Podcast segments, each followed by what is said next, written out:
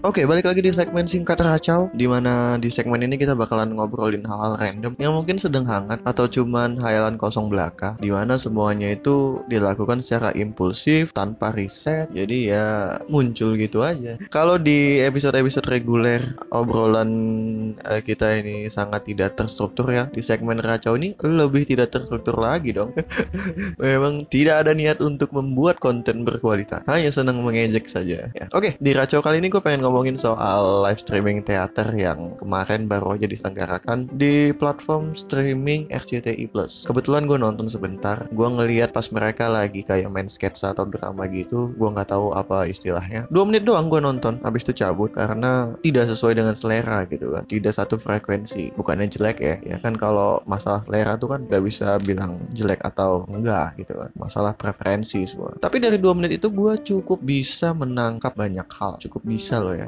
yang akhirnya dijadikan konten untuk segmen racau kali ini. Oke okay. uh, eh, yang gue lihat proses produksinya cukup proper ya. Sangat proper malah kalau bisa dibilang. Uh, mulai dari kualitas gambar yang bagus habis itu sound yang cukup cukup lah ya. Lalu uh, cara pengambilan gambarnya sangat baik. Karena gue kira tuh bakalan cuman pakai satu kamera ya. Tapi kelihat kelihatannya tuh uh, mereka uh, membawa atau menggunakan lebih dari dua kamera atau dua. Pokoknya nggak cuma satu. Habis itu mereka bisa bisa menangkap momen-momen yang pas sehingga tidak apa ya tidak membuat penonton live streaming itu jadi boring atau kayak ini lagi pada ngapain sih? gitu. Pokoknya sensasinya tuh hampir mirip lah sama kayak lu datang langsung nonton. Padahal saya belum pernah nonton gitu.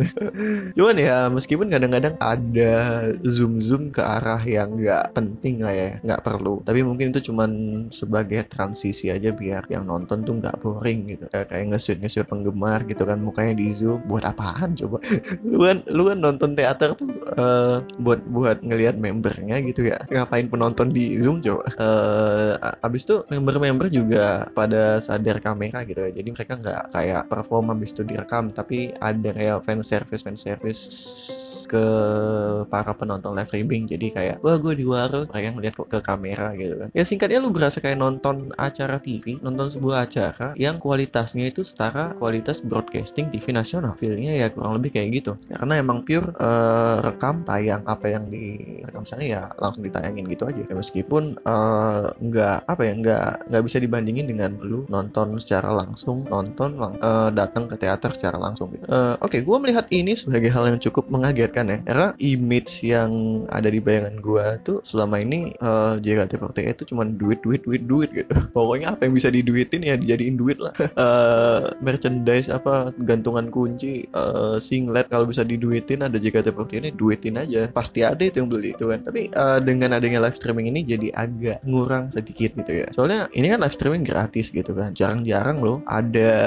uh, sebuah konten dengan potensi mendatangkan uang tapi di digratisin ya soalnya kan uh, dulu juga pernah ada gitu ya acara apa? Uh, request hour yang berba yang berbayar dan uh, formatnya live streaming juga. Cuman uh, apa ya itu dua tahun atau tiga tahun lalu lah kalau nggak salah ya. Nah setelah 8 tahun akhirnya gue bisa melihat bahwa manajemen mulai menyadari kebutuhan untuk mendatangkan fans-fans baru gitu. Oke eh, oke okay, okay. mungkin disadarinya udah lama gitu kan. Namun baru belakangan ini hal itu diwujudkan lewat sebuah aksi gitu. Kita bisa ngelihat bahwa wah ternyata uh, manajemen ini butuh juga darah-darah segar lewat uh, konten-konten atau program-program yang mereka jalankan gitu. Titik baliknya mungkin single original Rhapsody ini gitu kan yang diikuti dengan program One for All. Oh, ya tapi sebenarnya lebih ke single original doang sih. Program One for All-nya kayaknya cuma ngikutin momentum dari single Rhapsody aja deh. ya emang terlalu prematur sih untuk menilai sebenarnya One for All ini sudah sukses atau belum. Karena uh, beberapa konten yang dijanjikan belum keluar semua. Tapi kalau dilihat dari pergerakan-pergerakan di early game ya, waduh kenapa jadi early game? Pergerakan-pergerakan di awal, kayaknya gue bisa sedikit mengiyakan kalau ini tuh terasa lebih siap dibandingkan era Ribus yang saya tidak tahu bagaimana kabarnya. Ya gue rasa orang-orang sudah harus bisa melupakan Ribus ya, harus sudah bisa move on. Uh, apa ya dari Ribus tuh yang berjalan cuma sirkus doang gitu. Sistem akademi akademi juga nggak lama setelah berjalan tuh runtuh gitu kan. Naik kelas turun kelas dikeluarkan. Tidak ada lagi. Malah jadi akademi itu cuma jadi akademi satu satu doang gitu kan. Dulu kan ada akademi A akademi B. Ternyata tidak berlaku lagi. Tidak efektif. Ya gue nggak tahu entah waktu dibikin sistem akademi itu di apa ya di, di diskusiin dulu ada meetingnya atau cuman ya udah kita buat akademi aja lah. Nggak nggak zaman lagi trainee trainee gitu kan. Habis itu satu tim cuma 16 orang ya udah buat aja segitu. Coba aja dulu. Tapi ternyata gagal. Ya oke okay lah itu lah untuk membahas era ribus gitu ya. Ya udahlah move on lah. Oke okay, baik lagi. Tentu tidak seru dong kalau kita cuma bahas oke-nya saja. Uh, karena pasti ada halangan-halangan atau rintangan yang bakal muncul ke depannya berkaitan dengan live streaming ini. Dan untuk itu mari kita telisik satu demi satu kemungkinan-kemungkinan rintangan yang akan dihadapi dengan munculnya live streaming ini. Pertama gue bisa ngelihat uh, fandom itu tidak semuanya bereaksi bereaksi positif akan kehadiran uh, live streaming ini. Gue ngeliat di Twitter ada beberapa yang merasa live streaming ini bakal berpotensi mengurangin orang datang ke teater. Ada yang posting foto uh, teater yang tidak ada antri padahal biasa rame dan kalau gue bilang sih itu cukup masuk akal ya. ya. Oke, okay, kenapa cukup masuk akal? Uh, kalau bisa dibilang gitu kan, tidak semua fans tuh punya waktu luang untuk terus menerus hadir di teater. Meskipun dana siap, tapi waktu yang kadang jadi permasalahan dengan adanya live streaming mereka jadi agak tergoda untuk ya udahlah gak usah nonton langsung lah ada live streaming ini mana gratis lagi. Untuk yang udah sering bolak-balik teater dan merasakan sensasi nonton langsung kayaknya masuk akal deh kalau mereka lebih apa ya mereka bakal mengurangi frekuensi datang ke teater. Maka untuk melepas kangen doang kayaknya cukup nonton live streaming doang. Duduk di rumah bikin kopi sambil ngudut habis itu nonton live streaming. Kalau kangen kan udah bisa ngeliat gitu kan. Dan ya sesimpel itu sebenarnya. Dan tentu dengan adanya live streaming ini eksklusivitas yang digadang-gadang sebagai nilai jual utama bakal berkurang gitu. Ya walaupun gue yakin semua orang setuju kalau feel nonton langsung dengan live streaming itu sangat-sangat berbeda jauh gitu. Namun di sisi lain untuk yang belum pernah datang ke teater atau fans baru mungkin live streaming ini bisa menjadi trigger atau pemicu untuk mereka supaya mulai atau mau mencoba menonton performance idolanya secara langsung. Jadi ada dua sisi nih ada bagusnya ada jeleknya. Tinggal ke depannya gimana aja. Dan oke okay, selanjutnya uh, biaya produksi. Untuk sesuatu yang sangat proper kayak gitu tentunya diperlukan ongkos yang tidak kecil gitu. Gue lihat pihak RCTI Plus ini membawa perlengkapan mereka sendiri. Bahkan uh, syutingnya itu kan menggunakan lebih dari satu kamera lebih dari dua mungkin. Tentu juga ada human resource yang dikerahkan. Kameramen pengarah produksi dan lain-lain. Dan itu kan biaya juga gitu. Ada ada hitung-hitungannya juga. Apakah ketika live streaming ini dipermanenkan akan tetap menjadi sesuatu yang gratis atau nantinya akan dijadikan sebagai konten yang berbayar untuk apa ya untuk platform RCTI Plus dengan apa ya dengan format pembayaran yang mungkin macam-macam. Bisa kayak Netflix ber, uh, berlangganan premium di RCTI Plus baru bisa menikmati atau uh, ya bayar aja dulu baru nonton tiap mau nonton bayar. Uh, kan macam-macam tuh metode pembayarannya. Ya soalnya kan gak mungkin juga pihak RCTI itu dengan sukarela ingin mempromosikan JKT48 tanpa timbal balik gitu. Memang tujuannya untuk sekalian mempromosikan platform streaming mereka. Lalu kenapa juga harus JKT48? Ya bisa dibilang karena kebetulan MNC Group yang megang platinum media rights untuk JKT48 di Indonesia gitu. Uh, Oke, okay, tapi tentang platinum media rights ini gue masih kurang apa ya kurang tahu kurang paham karena gue menemukan mengenai platinum media rights ini dari artikel yang terbit sekitar tahun 2013 7 tahun lalu gitu nggak tahu update nya sekarang gimana. Dan gue juga kurang tahu apa-apa aja poin yang termasuk dalam platinum media rights tersebut. Ya kayak biasa sotoy-sotoyan aja gitu. Terakhir ini uh, yang cukup krusial kayaknya ya. Permasalahan reuploader. Nggak lama setelah live streaming kemarin tuh tayang gue menemukan adanya channel YouTube yang mengupload live streaming tersebut. Untuk gue yang demen gratisan ya fine fine aja gitu. Meskipun ya nggak gue tonton juga.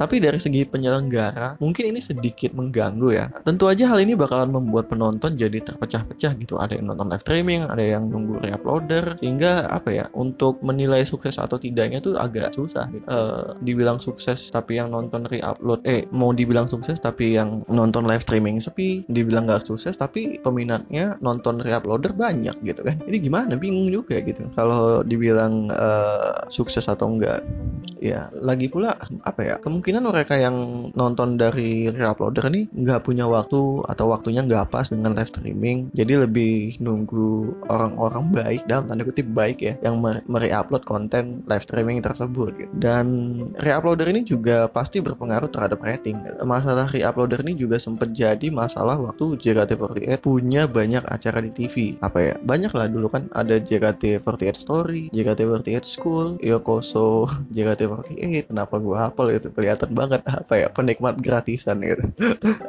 Dan ya masalahnya adalah karena banyak yang reupload orang-orang jadi nggak nonton Premier TV dan ini berpengaruh ke rating di mana kita tahu uh, Tuhannya televisi ini kan rating gitu kan. Jadi kalau orang nggak banyak nonton di TV ratingnya rendah. Maka de kalau ratingnya rendah ini bakalan jadi bahan pertimbangan apakah masih worth it jika acara-acara ini tetap dipertahankan. Contoh yang paling kelihatan itu ketika acara JKT48 di Net TV yang tiba-tiba bungkus nggak ada pemberitahuan atau nggak ada apa gitu kan. Net TV loh yang dikatakan pada waktu itu tuh sebagai apa ya sebagai stasiun TV baru yang katanya penuh inovasi yang paling apa ya yang paling kekinian lah. Itu acara JKT48 itu bungkus gitu loh. Bahkan episode terakhirnya tuh nggak tayang di TV malah dilempar ke YouTube coba. Itu karena apa ya karena ratingnya emang nggak bagus gitu. Jadi mau gimana gitu ya oke okay lah. Mungkin yang live streaming gratis kali ini masih hmm, so-so lah ya karena kan gratis juga. Jadi di, di re-upload nggak apa-apa lah. Tapi apabila nantinya ini konten live streaming bakalan jadi permanen dan berbayar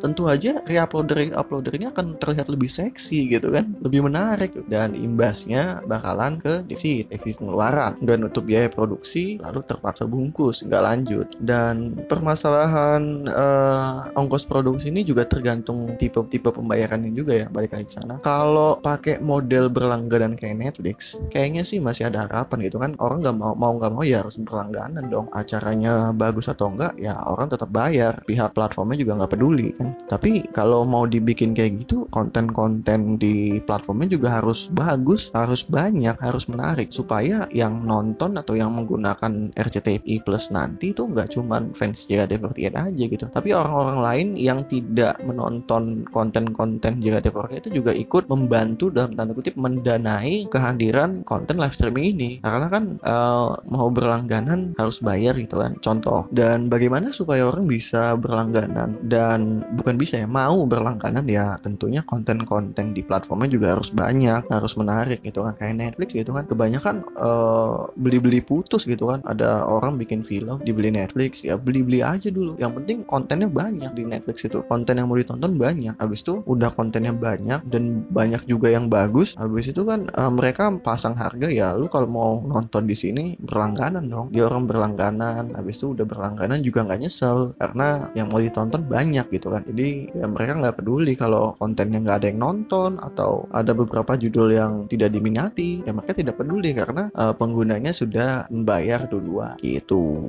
Ya tapi pada akhirnya ini kan baru trial ya. Belum ada kepastian ke depannya bakal gimana. Gue yakin lah pihak-pihak sana tuh lebih punya ilmu dan lebih paham perihal pasar serta planning untuk langkah-langkah selanjutnya. Ya nggak apa-apa emang kalau orin kalau orientasi utamanya tuh duit. Asal orang-orang yang nantinya jadi membeli atau menggunakan jasanya itu mendapatkan kepuasan sesuai dengan harga yang dibayar. Ya karena kan grupnya juga nggak bakalan hidup dari lo dari cuman sekedar loyalitas dan kongan kangen doang. Dikira bayar sewa teater tuh pakai waro doang apa? Kan enggak gitu.